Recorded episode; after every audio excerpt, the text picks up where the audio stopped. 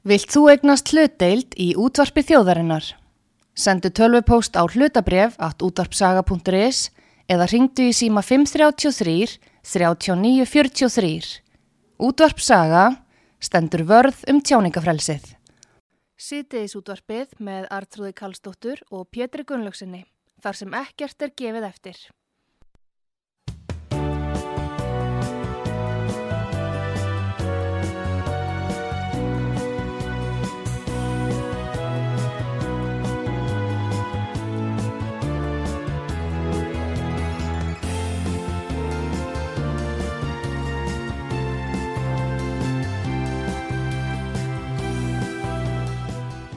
Komið þið sæl þegar að hlusta út var sögu Artrúðu Kallstóttur og Pétur Gunnlaugsson hér með ykkur og við fengið til okkar eh, Kristrúnu Frostadóttur sem er nýrþingmaður samfélkingarinnar og býður eftir því að fá að taka sæti á alþingi. Góðan dag Kristrún og til hamingju með uh, þingsætið. Góðan dag, takk fyrir það. Herðu, engi ríkistjórn formlega og alþingi ekkert uh, komið saman. Hvernig sérðu hvað er að gerast? Þetta er náttúrulega svolítið sérstakt. Mm. Ég ljósi þess að það eru sem flokkar tala saman og hafa setið núna saman við stjórnvölinu í fjögur ár. En það takir svona langan tíma að koma sér saman um álefni. Um, það er óneitarlega svolítið sérstakt um, og að við þurfum í raunin að býða í álíka langan tíma og, og, og, og það sem áður hefur verið flokkar sem stjórnakreppa. Þannig oft verið talað um mikilvægi þess að, að mynda hrættir ríkistjórn á Íslandi Mm. Við erum ekki að hafa eins og þólumæða í sem örum löndum í kringum okkur, það sem er oft bara tek, teknar bara þó nokkuð marga vikur í þetta mm. en, en þessi flokkar sem svona náttúrulega áttur sama síðast verðast nú samt eiga svolítið erfitt með að, að ákveða sig. Já, hvað sínist þér uh, berið milli? Hvað, hvað er það svona sem þér uh, finnst að uh, séu nögrannir? Sko ég held eh, að það eru auðvitað svona, stó, svona svolítið stór kjarnamál sem að reyndist erfitt að taka á, á síðastu kjörtjambili og þau sluppu kannski svolítið vel við þann skrekk að, að, að mista kosti svona út á við sína, sína það verna þess að þau hengu COVID í fangi eins og við hinn sem er svona ástand sem kannski frekar saman er fólkun sundrar. Um, ég held að lofslagsmálinn og helbreyðsmálinn sé eitthvað sem geti veið þúnt það eru auðvitað líka bara mjög ólík sín á beitingu ríkisvaldsins um, og, og hérna hvernig e, hvað ég segja já, ríki kemur til þess uppbyggingu helbriðstjónustu mm. um, hversu stór og kraftmikil skref á að taka í lofslagsmálum og hvernig við beitum okkur lofslagsmálum mm. eða að láta hvað ég segja, kvatar á fyrirni eða á ríkið að koma inn og vera með eitthvað grunnfjárfestingar þetta eru bara svona hugmyndafræðilega spurningar sem að e, varða langtíma sín langtíma plön og ég hef stundu sagt að, að, að sko, þessi ríkstjórn hefur kannski getað starfað í svona daglögum málefnum mm.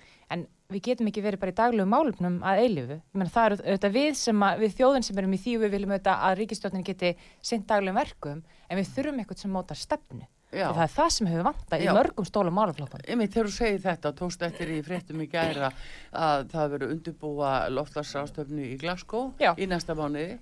Já. þá eru ríkja að koma með eh, sínar hugmyndir og frá Íslandi koma engin. Bara null frá Íslandi. Og það eru þetta mjög bagarlegt Hvernig slær það þig? Meina, sko, þetta er til að mynda vandin við að vera ekki með starfandi þing núna.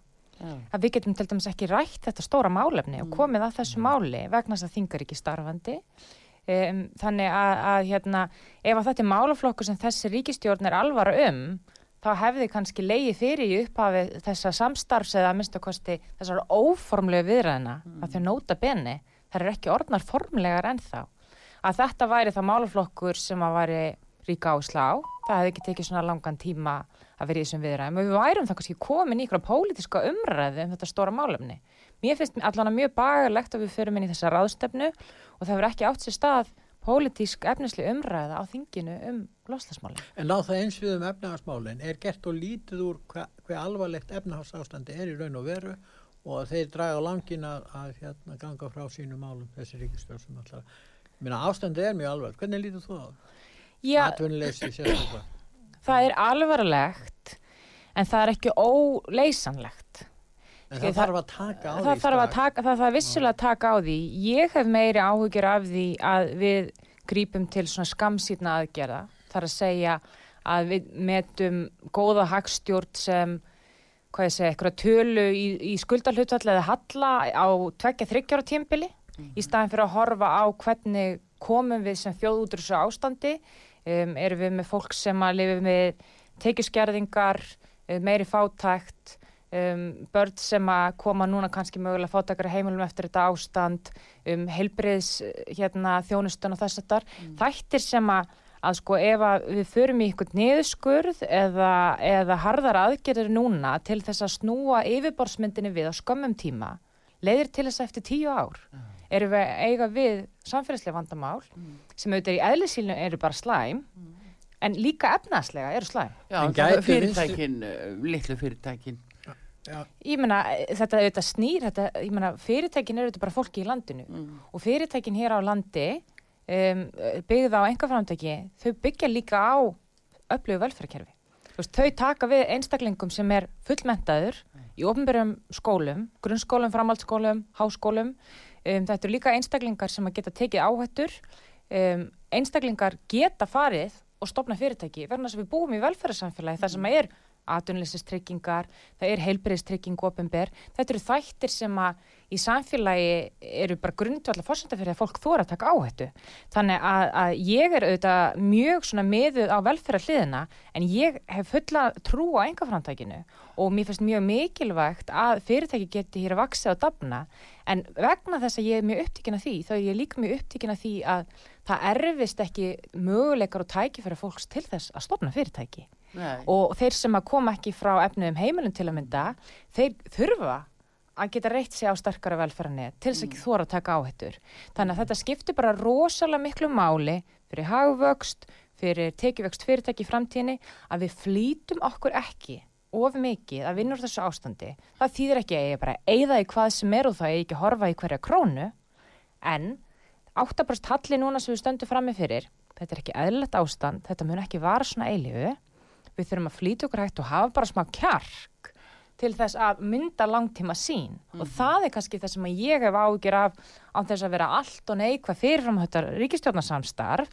þá liggur það alveg fyrir að það var í smörgum, stórum málaflokkum ekki auðvelt að móta framtíða sín í efnarsmálum hef ég ágjuraði því að þetta myndist þessu tókstreita sem að hægri vagnum er svo að skila einhvern veginn hreinu blaði strax og kannski ekki hugsa um fjölaslega afleggingarnar og því miður, uh, ef ég segi bara alveg eins og er, þá finnst mér vinstri flokkarnir í þessu samstarfi, ef ég ætla að tek vinstri græna þar inn ekki bara skilað neinu konkréti efnaðsmálum.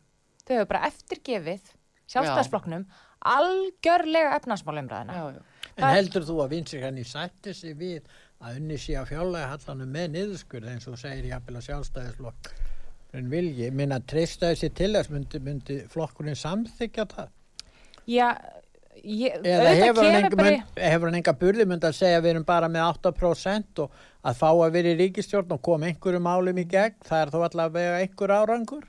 Ég menna, getur ekki hugsunum áttur að verið þannig? Hann getur verið þannig og við höfum séð, auðvitað leikslokku, sjáum hvernig fjárlögin líti út og fjármannstafn og allt það. Og sjálfstæðislega en... getur ekki allast til þess að vinstri græni stjórn efnahagsmál, fyrst að þeir eru helmingistæri flokk. Nei, auðvitað er þannig að valdarhautullin eru mjög sérstök Já. í þessar ríkistjórn og við höfum nú bara um, konkrétt dæmi um þetta frá síðastlunum voru þar sem að fjármála áallun var samþygt af þessari ríkistjórn, mm.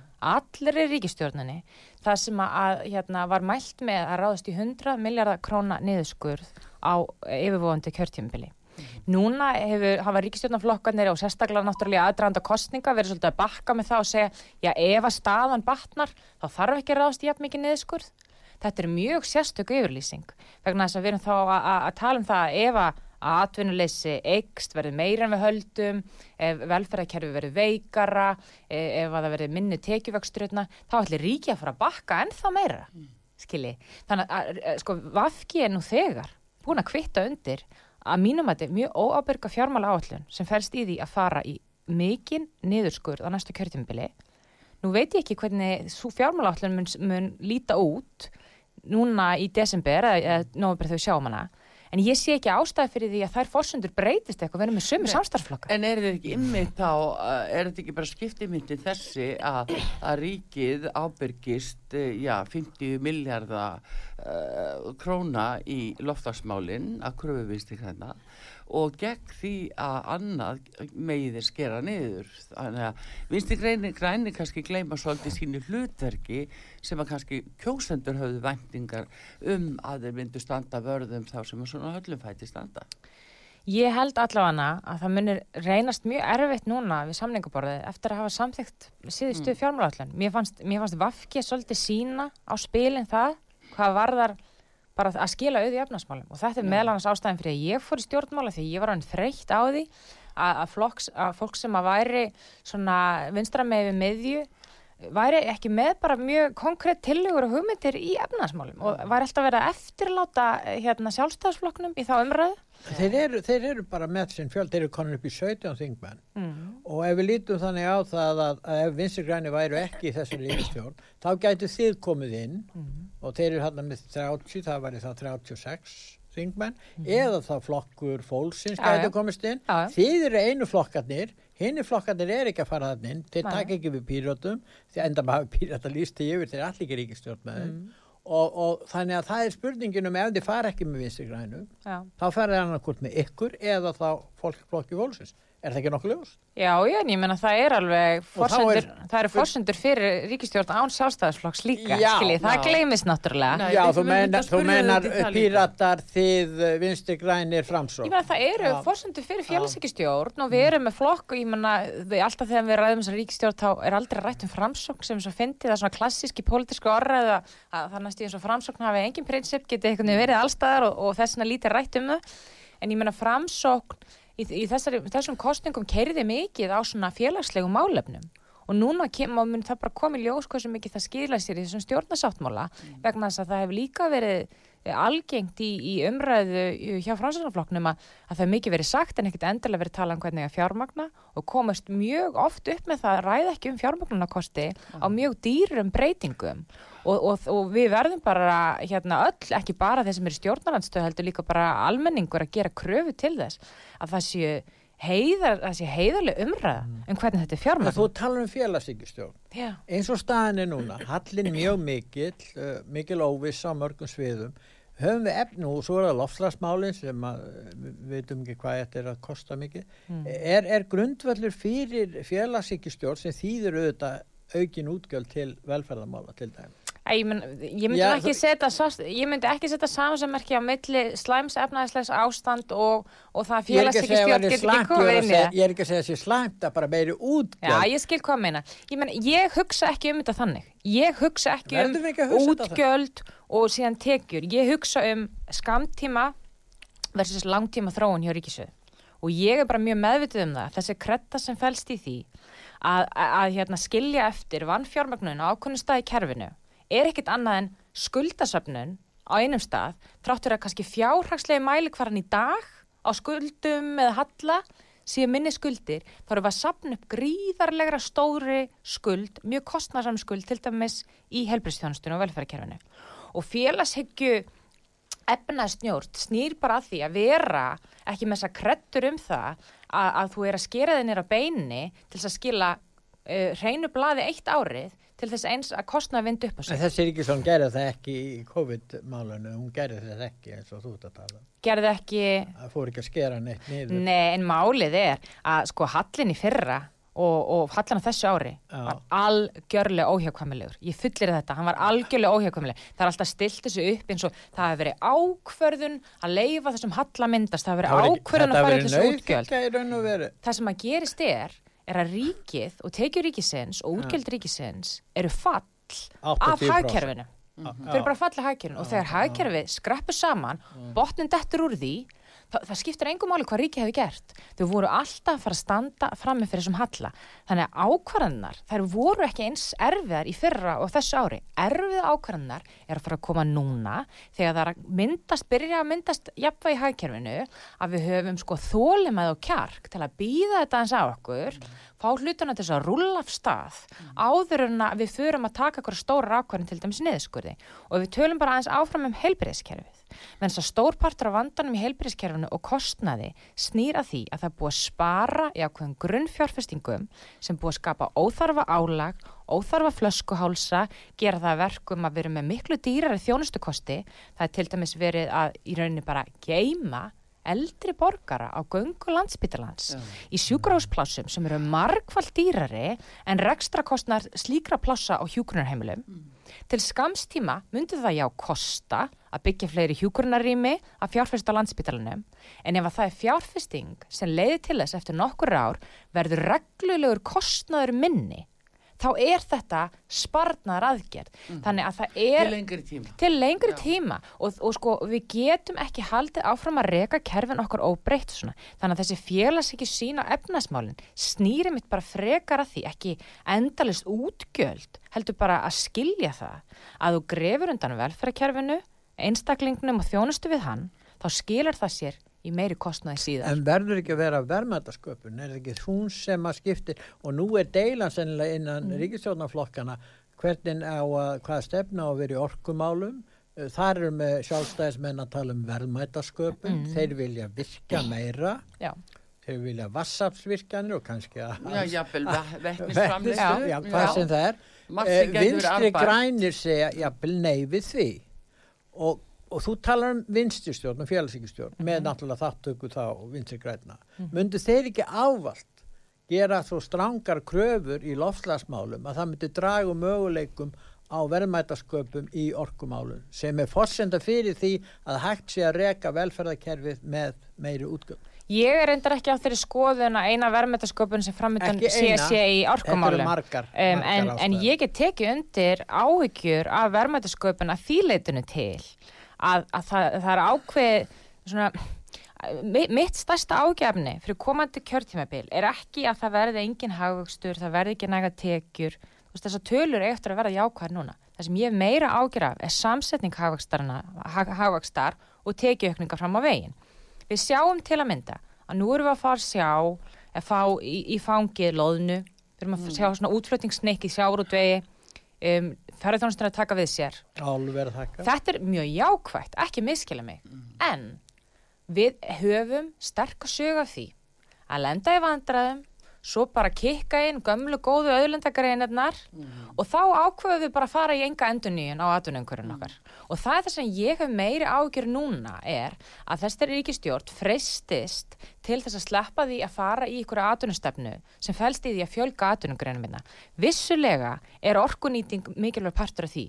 Ég er reyndar ekki á þeirri skoðun ég við í samfélkingunni að, að hérna, frekari orkunýting e, virkun þ- því það þurfa alltaf að brjóta nýtt land allstar. Það er að virkja sjávarföllin, það er að vera með vindorku, það er mjög mikið að nútímalegum leiðum án þess að þurfa að fara að grafa upp hérna allt í landinu meira. Fyrir utan það, það má auðvitað nýta orku betur og við þurfum auðvitað að horfa til lengri tíma, erum við að fara að vera með stórið í svona miklu magni, munum við nota orkunni eitthvað annað. Þannig að ég er ekki mótfallin slíkum hugmyndum og samfélkingin hefur ekkert verið á móti því að við förum í útflutning á vettni. Við höfum bara sagt, herru, þetta frýjar okkur ekkert ábyrð hér innanlands að fara í einhvers konar aðrar lofslasaðgerir. En ég hef meiri ágjur að talandi um verðmyndasköpununa eh, að við förum ekki í aðgerðir sem að móta almennari atvinnustefni fyrir þessar nýju atvinnugreinar sem að eru svona takmarka lausari þegar kemur að hagvexti sem er ekki eins, eins svona náttúruöðlunda drifnar eins og bara þekkingar, yðnaður, hugvitsgreinar og þess áttar og það eru alls konar hömlur á vexti þessara greina sem að þarf að líta núna á. En það er eitt sem hefur gerst núna að við erum jú í þeirri góðu stöðu, kannski kjörstöðu að framlega miklu orku hér. Orku verður að hækki Evrópu um helming. Þetta er eitt stærsta vandamál sem Evrópu búið að hafa þurft að standa frammi fyrir í mörg ár. Þannig að við erum að tala um svo mikil verðmæti sem tengjast orkunni. Algjörlega, Þannig að veg, sérstaklega eftir þessar hækkanir. ég er alveg sammála því en ég er líka bara á þeirri skoðun að við verðum að fara að horfa víðar en bara sjávarútvegur, ferðarþjónusta og orka. Við verðum að fara að horfa á mannesgreinar. Ég meina við erum að metta fólk hérna í En það hafa opinberu. þróast líka í skjóli. Já, en það er ennþá vandræði til að mynda í vexti þessara greina þegar kemur að fjármögnun. Það verður einst mjög erfitt fyrir margar að þessum, mörgum að þessum fyrirtækjum að Er sækja fjármögnun bæði innan Er lands. það ekki bankarnir sem eiga annars það? Já, en það er líka aðgang... Og fjármálafyrirtæki, þú þekkir það. Já, já, en það er líka aðgengi að erlendum fjárfestum og ég get sagt ykkur það, því að nú er ég nýkomin út úr þessari kostningabaratu, að ég veit ekki hversu marga fundi ég fór á til að mynda hjá atvinnureikundum, þar sem var talað um mikilvægi erlendra fjárfestingar, gengistöðuleika alþjóðageirans, fríverslunarsamninga og hvað svo sem er. Og það var enginn sem vildi ræða með Europasambandi kannski er ég komin át að hála braut í þessu herbergi en ég get alveg sagt okkur það að fyrir mér er Europasambandsengganga stærsta einstaka atvinnumálið á Íslandi. Að því að þegar ég hugsa um alþjóðlega vöxt, þegar ég hugsa um eh, þessi mannistryknu hagkerfi sem að vilja uh, losna við tolla, vendarhyggju, aðganga erlendu fjárfæstum sem þurfa ekki að hafa áhyggjur af gengistöðuleika, um nepotisma eða þar að segja frænthyggli í veitingu fjármaks eða, eða aðgengi að hirmasum hlutu, já, já. fyrirgreislu.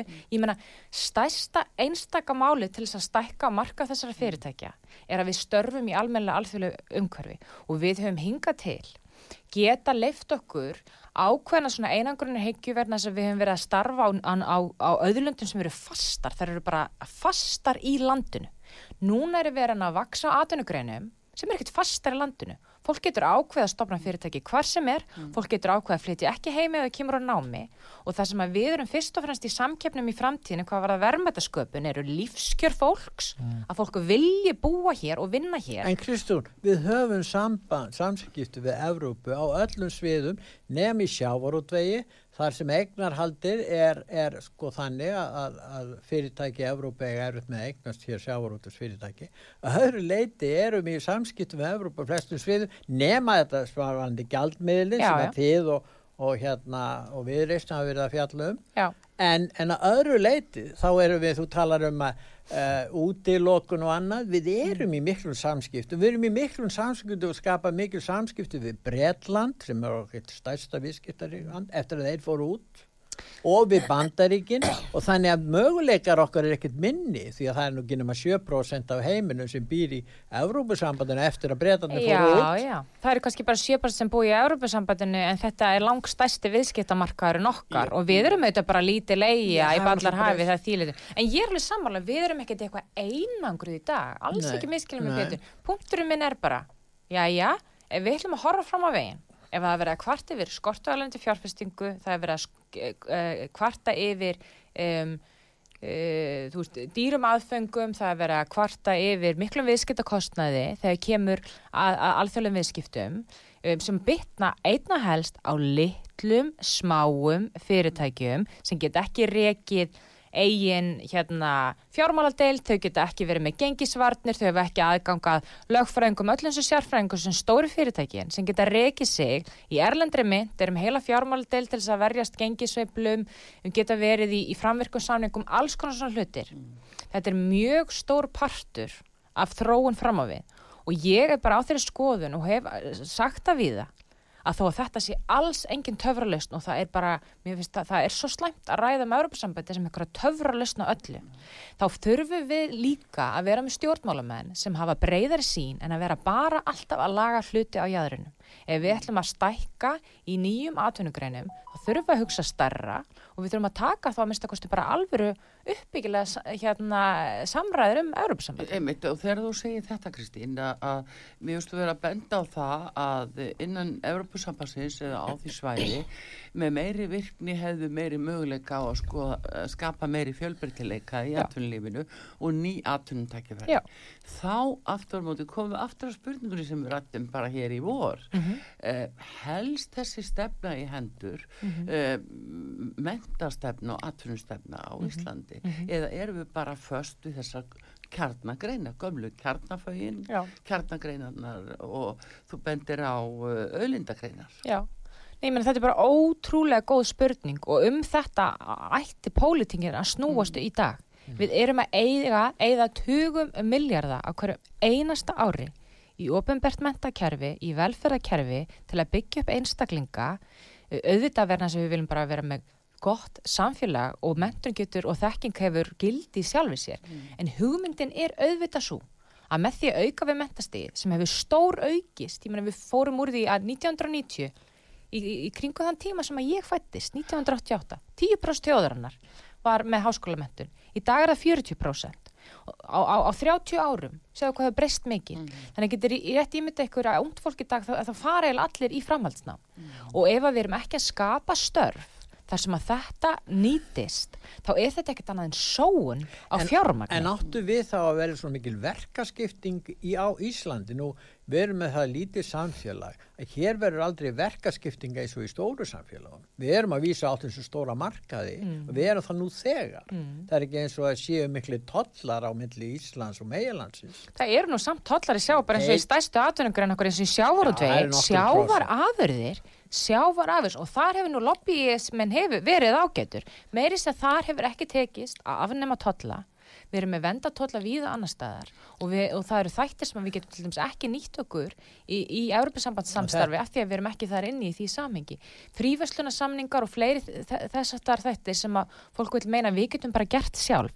Auðvitað meika bara miklu meira sens að vera partur af alþjóðlegu slagverki. Það er ekki þar með sagt að það sé, ekki, að það sé eitthvað allt hérna Við náðum gefins í því fríversluna- við náðum fríverslunarsamningu við Kína, Evrópa gerir það. Já, Við já, getum en náðu ég meina... fríverslunarsamningu við Bandaríkin þó það gangi erfilega. Ég ætla bara að gefa mér að samningsstað okkar sé sterkari í slagtói við 300 miljónana marka en við einu og sér. Það þýðir ekki við getum ekki gert neitt sjálf. En við Bretland En, en það, Myndir þú ekki vilja gera fríverslunarsamning við Bretland? það er nú bara margt komið ljós eftir Brexit að við erum ekki að fá eins miklu fram og við vorum að vonast eftir í tengslu við það Brexit getur verið, samningana. en við Já. getum þeoretist, við getum uh, gert fríverslunarsamning fríverslunarsamning við Já, við getum auðvitað gett samningu hvert sem er það er bara Já, spurning er það hvað kemur út úr þeim samningu og hvernig hann lítur út. En við gætum ekki gert samning við Bretland ef við værum í Európusambandinu, við erum bara að treysta á Brussel til að Já. gera samning Já. fyrir 27 eða 8 En við treystum á Brussel fyrir ymsal hluti í dag, til dæmis stór partur af félagsleiri löggjöf hér á landi, neytendalöggjöf þess að það kemur frá Brussel, stæstu varnitaðan til að mynda í samþjöppu fyrirtækja hafa komið frá Brussel, um, það, er, það er í Brussel það sem hefur verið að berjast gegn til að mynda sterkustu tæknifyrirtækja, það er bara fullt af jákvæm hlutum sem hafa líka komið ánga. Það er ekki þar með sagt við höfum bara að loka augunum og taka allt í fangið og ekki vera gaggrinnin, það er alls ekki það sem ég er að segja. Punkturinn minn er bara sá að sko auðvitað pólitíkin ekki bara snúast um Brussel og Europasambandi en við þurfum að hugsa, við erum með sem minni fyrirtæki, við erum með lítinn markað, við erum með einstaklingar sem þurfa fjármagn, þurfa að geta sótt fram.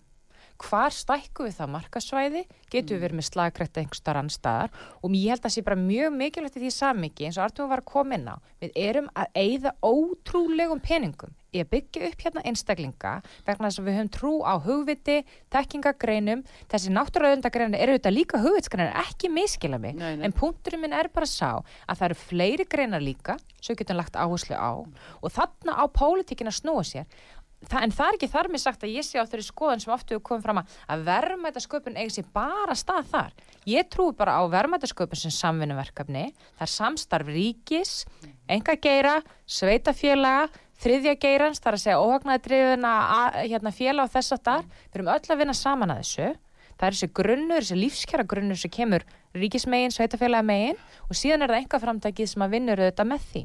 En, já, en Kristján, Európa-sambandi hefur breyst og þeir sem stuttu það á sínu tíma eins og Jón Baldvin Hannibalsson hann stýður ekki ástandið eins og það er núna, hann myndi ekki vilja ganga hann myndi segja að við verum að ganga inn í brennandi hús. Ég þannig að það hefur átt sér stað, átt sér stað verulega breytingar gagvart Európa-sambandi það var miklu vinsætla hér fyrir 20 árum síðan Európa-sambandi heldur þeir í dag á Íslendingum. Ég, meina, ég held að bara nákvæmlega út af þessari umræðu þurfum við að, að taka þessa umræðu upp á nýtt á efnislegum grunni. Það er að segja, það hefur margt einmitt breyst líka til eins betra, en það var líka að koma upp ákveðna gaggrinsrættir innan Európa-sambandsins. Samt hefur þessi umræða ekkert tróast á Íslandi í tíu ár. Við erum að sjá sömu punktana í umræðu tíu árum setna. Þannig að það þarf bara að taka þessa umræðu aftur upp. Samfélkingin hefur verið á þeirri skoðun að við hefum bara að sjá samning, fara inn í, almennilega inn í samningsviðræður. Uh, Ég hef persónulega verið þeirri skoðun að ég vil ekki sjá alltaf bara umræður þegar við erum á njánum sem samfélag. Nei. Við eigum að fara inn þegar við erum í sterkri stöðu, þannig að við séum með sterkar samningsstöðu. Síðan auðvitað sjáum við samningin og ef hann er afleitur, þá er ég aldrei að fara að kvitt upp á hann. Það liggur auðvitað alveg fyrir. En það líka í sambandi með þetta er samlingurinn hefur á margan hátt reynst okkur gríðarlega vel á mörgum sviðum. En svo er það spurningin uh, hérna uh, það eru líka ákvæðið þar sem við höfum ekki að fullu lögfest eins og samkeppnislögin. Samkeppnis uh, sko hindranir hér innanlands af því að við höfum ekki innleita að fullu gerir það verkum að það heldur niðri miklu ójapvægi inn á markaði, milli fyrirtækja og sumir bara geta olbúið sér betur en aðrir mm -hmm. en sannlega ef við hefðum að fullu innleitt svona reglu sem okkur ber að gera mm -hmm. þá væri kannski aðtunna ástandi mun betra hjá mörgum fyrirtækjum. Ég finna samkeppnismálinn yfir höfuð er bara mjög áhugaverið málflokkur mm. og eitthvað sem að verði mjög áhugavert að sjá hvernig þróast hjá þessari ríkistjórn verna þess að það hefur til dæmis um, hálfparti verið leiði á samkjöfniseftirlutinu hvað það varðar að það hefur skort stórkostlega fjármögnum þangaðinn mikið verið kvartaðum að saminningar og hinn er þessi þætti tækja á langa tíma. Einfallega verðast að það er ekki almennileg fjármögnun á samkjöfnisumkvarðinu hérna, og þegar kemur með eftirlit sérstaklega á svona litlu markað eins og Íslandi Já. þá þurfum við að hafa í huga að það þarf miklu færri skref til Já. að mynda erfiða stöðu fyrir önnur fyrirtæki mm -hmm. um, þannig að það er ekkit óeðlilegt við að við séum hlutvarslega á ættum hlutvarslega að vera með starkara samkjöfniseftirlit hér á landi eh, bæði varandi aðgang fyrir fyrirtæki mm. að koma sér að stað en líka þetta er þetta bara stórkoslega eh, mikið neytendamál Já, bara algjörlega og það er kannski bróttalöfun og margan hátt Ég meina það, í það vantar fjármagn inn í þennan málaflokk og mm. þar þarf þetta bara afstæð stjórnvalda að vera rétt sem er svo að við þurfum fjölbryttari aðtunumgreinar meiri hluti hérna, landsmanna vinna í dag hjá litlum og meira stórum fyrirtækjum og við þurfum að fjölga hérna, tækifærum sem eru til, til þess að stopna fyrirtæki í dag og samgefnislaugin spila bara mjög mikilvægt hlutverk þar í Þetta segir góð viðmæland okkur hér á útvarpi sögu Kristrún Frostadóttir sem er í þingmaður samfélkingarinnar og við ætlum að halda áfram að ræði hana hér á eftir. Við þurfum að fá smá hlýja fyrir öllisingar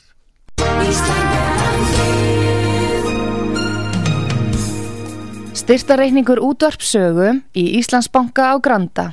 Útubú 513 höfubók 26 reikningur 2.11.11 Nánari upplýsingar á útvarpsaga.is Takk fyrir stöðningin.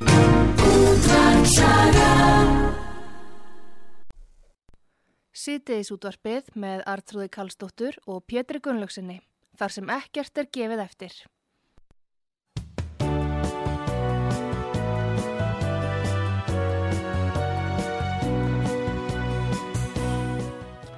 Komið Sæl aftur, Kristrún Frostadóttir Þingmaður samfélkingarinnar eh, er gestur okkar hér á útarpisögu, við erum að fara svona yfir helstu málið eins að þau koma henni fyrir sjóni núna, það er ekki búið að mynda ríkistjórn og allting ekki komið saman og og skrítist að að þau verðum að fá frettir af svo stóru málum sem að verðast vera hjá ríkistjórninu núna eitt af því er Salan á Mílu mm -hmm. Kristrún, ertu búin að áttaða hvers konar máli þetta er og verða að fá íslenska lífeyrisjóðu til að koma Já. inn í til að fjárfesta í þessu Já. hvað er að gerast þarna? Já, ég meina þetta er bara ennan að dæmi mál sem að væri mjög gott að hafa þingið núna til þess að geta mhm. tekið umræðið um þetta, efnislega umræðið og, og, og spurt ákvæmlega spurningar og fengið svörfiði mm. og, og hérna við sem stöndum fyrir utan stjórnamöndurna við erum núna erum í bara þeirri stöðu að þurfa eiginlega bara að fá upplýsingar um þetta hálfpartin í fjölmjölum um, e, sko það sem er náttúrulega áhugavert við þessu umræðið er að sko það ætti ekkit kannski að breyta miklu það að einhver erlendur aðli sé að fara að kaupa hérna, þessa innviði eða þessa þjónustu sko stóra spurningin er náttúrulega hvað við gerðum á sínum tíma þegar símin var seldur Já. og þessir að hafa fyllt með vegna þess að veist, í eðli sínu, ég meina við erum með erlend eignaraldi hinn á þessum félögum við á Íslandi, ég meina þetta er bara evróst félag sem er að kaupa þetta inn, þannig að mínum að þið sko, það er aðtúsendir sem hefur þetta mál snú ekkert endilega að þjóðerni eignarhaldsins Nei. heldur ég held að þetta sé bara svona þetta er að endur vakna hjá almenningi uh, eh, svo staðrænt að þessir innviðir eru ekki í enga eigu mm. er ekki almenningseigu fyrir geði og eru í enga eigu þessu samingi Um, og það hefur náttúrulega komið upp einhver hræðsloft í tengslum við um, hvað ég segja aðganga erlendra þjóða eða óvinnveittra þjóða að, að hérna, fjarskipta neti eða þess að það er. Ég held að það sé ekkit sjálfgefið að gefa sér eins og ég sagði að þó eignarhaldi sé að færast yfir til erlends aðela það sé einhver meiri hætta á einhverju svoleiðis núna frekar en annars, ég menna Evrópusambandið sem við vorum á talminna um mm. þannig er með mjög stránga reglur líka mm. varðandi uh, hérna varðandi svona mál en þetta auðvitað bara vekur okkur til umræðu um okkur grunninnviði e, það er verið að ræða núna um í ríkistjórnuna það hefur verið sagt að, hérna, að þessi sala sér háða ákvörnum skilurðum um, og þjóðarauðurkisráð sé að ræða þetta út frá ákveðin skilurðum. Við myndum bara vilja fá að vita hver þau skilurðu eru. Mm. Það er bara óðbáslega mikið upplýsingum er til staðar. Um, og svo vekur þetta líka upp þær spurningar sem að hefðu þetta átt að vera fyrir löngu síðan, skilji, fyrir þú, 15 árin síðan. Um, hvernig regluverki er í kringum svona þjóðarslega nöðsynlega innviði En og, og hvort að regluverki er. Ég meina það er í rauninni Er eitthvað nokkuð hægt að stöða þessu sölu? Ég held- Reglurnar á euróska Ef, efnarsvæðin. já, sko þetta hefur náttúrulega ekkert í rauninni, sko, evróska efnaðsveið ekki, eins og ég Það sagði, gefur eurósku fyrirtæki ákveðin réttin til að kaupa. já, á en það er bara eins og með, ég meina, ev evróskir aðalar geta keift hlut í símanum og hefur geta keift hlut í símanum fyrir þessa, fyrir, fyrir Að hérna, Þetta bara þennan stöðu. varpa ljósi á stöðuna eins og Þetta, er hér. já, þetta varpar frekar ljósi á það að þessir innverður í enga eigu frekar en þetta snúist um hver eigið það nákvæmlega í dag. Um, en það þarf auðvitað bara að skoða regluverki og ramman og þetta kannski ítir við þinginu að velta því upp hvernig rammin er. Er þetta að grípa til einhverja aðgerða ef að það er eitthvað hættu ástand eða neðar ástand til staða? Pilur þú þessi hægt Ég meina, Þetta við er bara eitthvað sem þarf að skoða. Ef ég er algjörlega hreinskilin við ykkur, ég bara veit það ekki. Vegna þess að Nei. þetta, um, þetta mál hefur ekki fengið efnislega umræðu í þinginu og En þetta við- hefur ekki komið almennilega upp á yfirborðinu. Nákvæmlega hv- hver hættan er í þessu ástandi. En, en miða við reglurnar sem eru á Já. og þetta fyrirtæki franska, Já. það hefur rétt á að kaupa hér. Mhm. Þannig að við erum inn á þessu kerfi og við Já. værum það ef við værum náttúrulega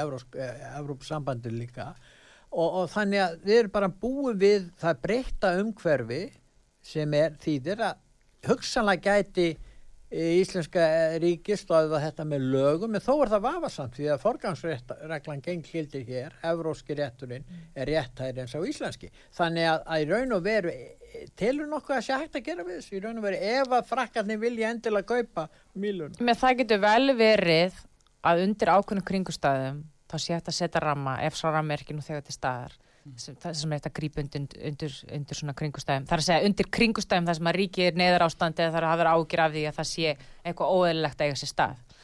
Áhersla mín er kannski bara frekar þessi að ég held að ástæðan fyrir þetta er að koma upp. Auðvitað er það hluti til að því það er aðlendur aðalega að koma að inn. Mér finnst það reyndar ekki það sem er aðtjóðverðast við þetta.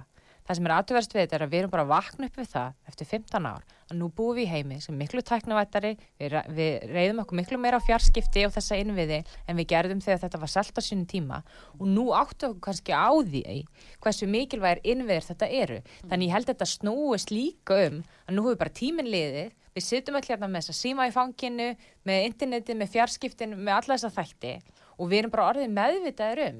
Ætti ríkið að eiga þetta? Ætti ríkið að eiga mílu? Það gæti alveg komið til greina Hefur- að ríkið ætti svona grunn innviði.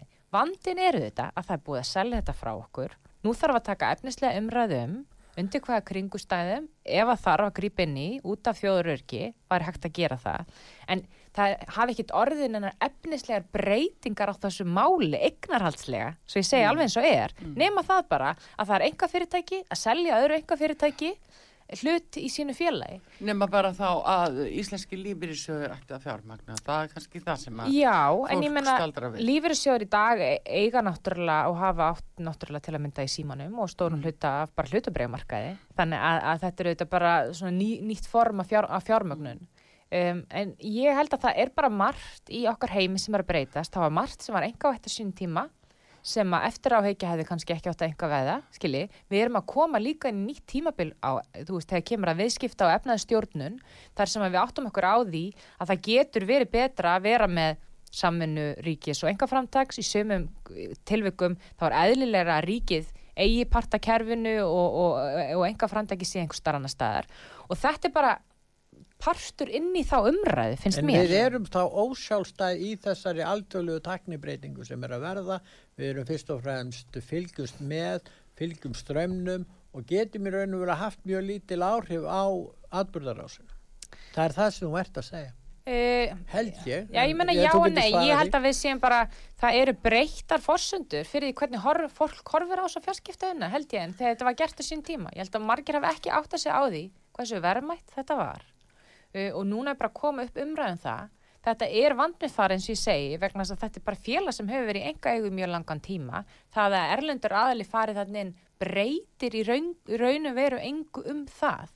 Um, en mér finnst mjög eðlilegt og gott að þessi umræðs er tekin núna og, og við munum beita okkur fyrir því í þinginu þegar því kemur og þetta verði rætt og sérstaklega út frá þjóðuröryggi og við áttum okkur á því hvað möguleikum við höfum. Já, já. Kristrún, uh, tíma okkar nú senna vera búinn, en það eru ríkisfjármálinn. Mér langar aðeins að heyra í þeir varðandi þá möguleika að um, halda uttarum ríkiskassan Já, og hvernig er maður náinn tekjum. Þú hefur, og myndist núna áðan á uh, hérna, auðlindagreinarnar, uh, getur við hækka til dæmis veiðigjaldi. Það er nú alltaf, þetta er nú klassisk umræða að hækka veiðigjaldið. já.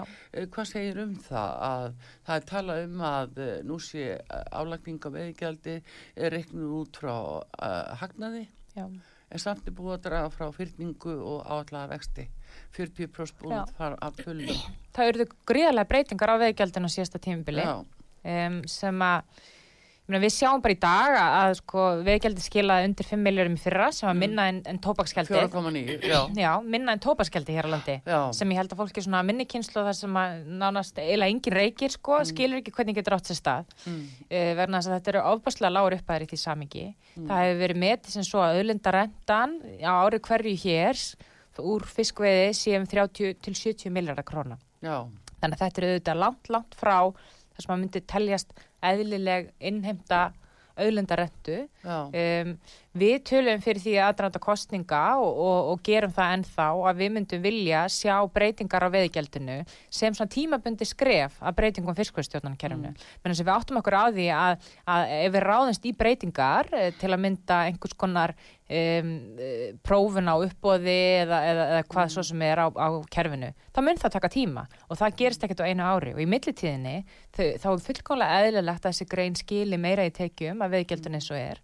Þessar breytingar sem voru að gera 2019 sem að núverandi hérna, aðilar sem er að mynda stjórn stóðu fyrir, mm, ymmit gerðu það að verkum að það er hægt að draga frá miklu herra hlutvall um, afskriftarlefa séð mm, um, a- a- hérna af skipum, er þetta að fara í mun, mun herri fyrningu en sérst nokkuð starf annar starf hjá öðrum fyrirtækjum, bara venjuleg fyrirtæki sem er að reka sig, talandi um lítulega meðanstofn fyrirtæki í Já, einmitt, landinu, einmitt. sem að, geta ekki verið með svona háar afskrifti frádráttabærar frá sínum hagnaði. 40% alveg. 40% um, svo sáum við að það er að segja 20% og svo er annað eins sem er hægt að ná út úr í, í, í ígildi vakstakostnað Já, áætlaður vakstakostnað í staðin fyrir að segja, herðu, öll þessi fyrirtæki eru nú bara að fjármagna sig á vöxtum sem eru þekktir, við getum Mm. bara flett þessu upp í reikningum hjá þessum fyrirtækjum. Það er ekkert áætlað þar. Það þarf ekkert að áhætta Nei, þetta. nei. þannig að þetta er ekkert annað en leið til þess að minka þennan hagnaðarstopp. Mm, um, og ég held að, að, að það geti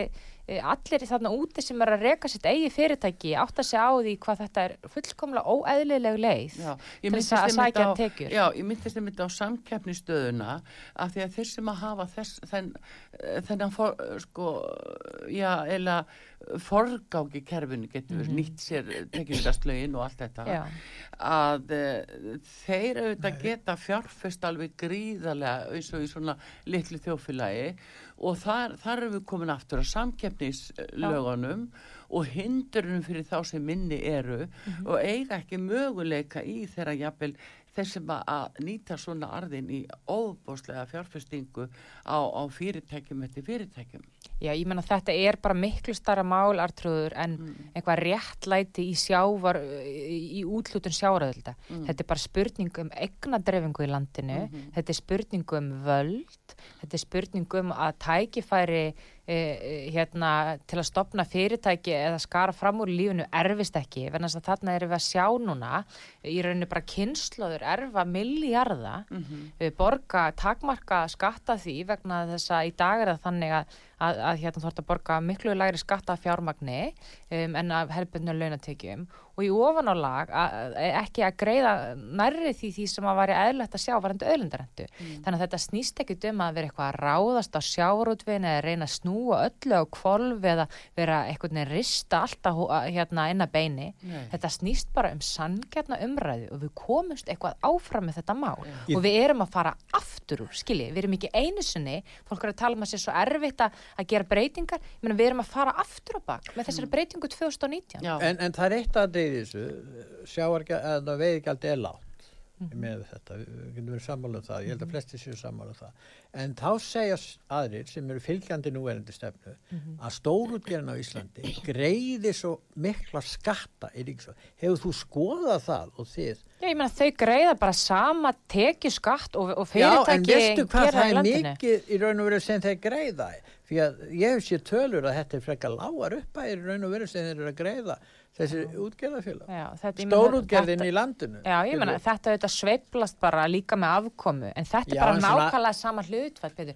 Aðal máli er, þetta er bara sama hlutfall og venjulega fyrirtæki greiða. Þau eru ekkert með eitthvað álag, sjávar út þessu álag og veiðigjaldið En er þú ekki veist skattur. það vel, Kristrún, að það á sér stað milli vellagning, Já, það er verið talað um það og við þekkjum þá skattalögunum, það er ákveði, ákveði í, um millivellagningu og það er til að koma í vekk fyrir það að menginni nota þessa leið til þess að skila í raun og veru til landsins það sem að á að gera og það snertir svo marga þætti sveitastjórnir, sjómenn og, Mhm. og svo gríkiskassin hérna og, og, og við erum að horfa upp og það við sáum það í, umfjöllunum Samherja Já. á Kýpur voru nýju félag sem Já. höfðu þar og það var auðvitað til þess að selja einu félagi sem aftur seldu svo framvegis. Og það já. þarf ekkert að fara yfir til einhverja viðkvæmu umræðu um það, það liggur alveg fyrir. Og þegar í ljósi þess að þeir greiða litla skatta til okkar hér og kemur fram þá er það ekki hluta af þessu og þarf ekki að taka mitt á þessum hlut Ég meina, mér finnst þetta bara, sko, ég, ég tek undir þetta en þetta eru bara tvær ólíkar sko, umræður. Annars vegar hvernig fyrirtæki sinna almennt sínum skattskildum, að það sé ekki verið að reyna losna við almenna skattskildu sem bara öll fyrirtæki eiga við, Já, þetta er En hafa svolítið aðstöðu til þess. Já, já, en punktur minn er bara þessi, það er bara ein umræð, síðan er allt annað hvað er verið að borga í auðlindagjöld sem er ekki skattur, Nei, heldur bara hvað er að skila og veru sér. sem við erum að tala um eins og þú segir, þetta er tóbaks uh, Já, já, algjörlega. En mér finnst bara mjög mikilvægt að aðskilja þetta tvent vegna þess að umræðan um sjárótvinn fellir einmitt svo oft undir e, þessa umræðu þar sem við séum verið að greiða svo mikið skattekstra annstar. Auðlindagjaldið er ekki skattur. Það er leið til þess að ná hluta þessara auðlindarentur sem skapast ekki fyrir tilstilli fyrirtækina heldur vegna þess að við hafa aðgang að mark, takmarkaður en telur ekki að markaðin eigi ráða verðinu fyrir aðgang að náttúruauðlindum eins og allstar og öllum sviðum, ég minna tráefnisverðið er hafa heimsmarkaði, er ekki eðlilegt að menn hafi aðgang að íslenskri náttúruauðlind eins og stórútgerinn hefur og greiði bara í samræmi við það sem hún er metin á samkvæmt markaði. Eins og allt annað öllönu verð, þú sem dagfræðingu þekkir það, öllönu verð í heiminum. Svo allt í hennu verið að undanskilja þetta, þannig að verði ykkur aðgangur að náttúru, aðal náttúrulind sjávarauðlindin okkar Mm. af einhverjum verði sem að stjórnmálamenn og embættismenn ákveða sem eru háðir oft þessum sömu stórútgerðum. Já, ég meni, ég, Þetta er náttúrulega alveg frálega. Ég, ég er alveg sammála því að það er ímislegt sem að maður bæta í sko verðlagninguna eða hvað er að segja hvernig þú finnur þessan haggana sem í dag reknar út og markasleiðin, uppásleiðin er ein leið að því markmið. Ég er eins og bara að raunsa í því samiki að ég myndi vilja að það væri, þetta er skoðað, að það eru stíðin fyrstu skrefin að að gera þetta En af því að ég raunsa og meðvitu um að við höfum farið aftur úr á þessu kjörtímbili, þá þurfum við að minnstakosti að byrja á því sem við getum strax gert að endur sko aftur veðigjaldastofnin á, meðan við förum það skref að fara þessa markasleið. En mér langar samt í lokin að því að síðan þarf ég að fara að rjúka þetta, Pétur, Já, að nefna varandi markasverðu allt þetta. Já. Sem hagfræðingur líka, sem að sko bæðu og ég meina hagfræði er félagsvísitagrein. Hún er ekki raunvísitagrein. Það er ekki hægt að reikna sem er hlutum puntabrygg. Þá veit ég líka að markaðir bresta, markasverð er ekki alltaf fullkomið og mér finnst heldur ekki sjálfgefið að halda því fram að það sé eitthvað eitt sangjant eina sanna markasverði. Það mun vera flókið að koma stað þessari niðurstöðu og byggja upp nýtt kerfi að- sem að kemur í vekk fyrir að, að þessi klassiska umræð sem fyrir alltaf að staðum breytingar sjárutvegi að það muni dragu landsbyðinni, það muni fækka störfum, ítundi saminningar þess að þar. Þess vegna held ég að sé svo rosalega mikilvægt að við förum þetta skref að fara í breytt fyrirkomulagi á gjaldtöku í greininni sem að við samfélkingun myndum vel að sjá að það sé vel ígrundað, við séum búin að skoða alla afleitu stærðirnar eða þróun af því að fara ykkur á markasleið, hvað áhrif það hefur á starfsemi, atvinnu þróun, fólkið í þessum byggðafélugum þess að þar og síðan sé farið að stað með það verkefni menn sem við viljum heldur ekki brenna okkur á því að við upplifum aftur að sama gerist þegar kvotagerði var sett á sín tíma að, fólk að fólkið á stöðunum siti einhvern veginn eftir með sárt En enni. fólkið er á stöðunum er háð markaði, það fer eftir því hvað fæst fyrir fiski. Algjörlega. Og hvað er ski, hverju skila tilbaka. Algjörlega og ég meina notabenni ég er mjög fylgjandi því þetta sé endur skoðað en bara þekkjandi söguna í þessu máli og hvernig er oft lobbyir að gegni, ég held að það sé bara mjög mikilvægt. Það eru hindranir frá stað- hagsmunaöflum sem ætti ekki endilega að taka sérstaklega tillit til. Al, algjörlega, en ég held að þetta sé bara mál sem að þarf að halda mjög vel utanum og þess vegna finnst mér auðvitað miður að við séum að sjá þessa flokka fara saman í ríkistjórn núna að það er engin vilji til þess að taka á þessu máli. En við munum auðvitað beita okkur fyrir því samfélkingunni uh, og, og, og ég hugsa fleiri í stjórnarandstöðunni að, að halda þessu máli uh, gangandi. Og ég held að endur skoðan af auðgjaldstofnunum uh, og að mista kosti frákvarf frá þessari breytingu sem við gerum 2019 þar sem að vera svona óeðlilega mikil frádráttur frá hagnaðarstofni um, gangi tilbaka vegna þess að við sjáum það bara að þetta hefur rýrt þennan hagnaðarstofn verulega og þetta er skref aftur af bak. Já, nú fyrir við að ljúka þessu. Ég vil þakka þið fyrir Kristrún að koma til okkar Takk fyrir mig. og ræða þessi mál og hérna, ég vil þakka hlustendum út var sögu fyrir að hlusta. Verðið sæl.